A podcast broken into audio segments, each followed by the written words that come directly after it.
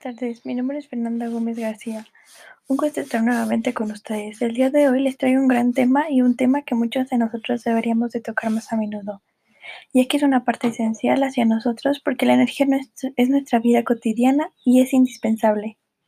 Nuestro tema a hablar es la energía y las acciones para su consumo responsable.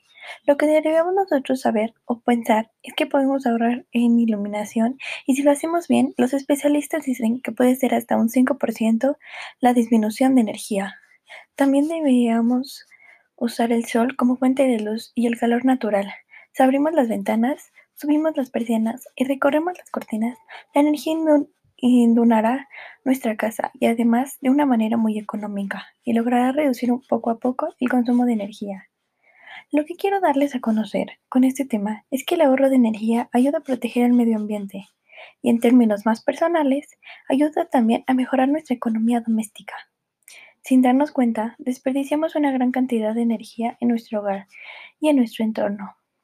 Creemos que la energía es inagotable, pero el uso excesivo de algunas materias está producido su rápido agotamiento de tal manera que no les da más tiempo a negarse.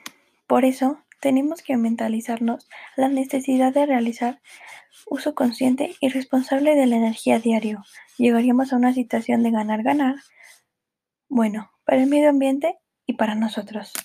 Muchas gracias por escuchar este tema. Con esta información que les comparto, espero que puedan entender un poco mejor el consumo de energía y las acciones que podemos hacer poco a poco para ir o, o lograr un cambio en el medio ambiente y principalmente qué es el consumo de energía. Ojalá les haya sido de su agrado. Muchos saludos, hasta pronto.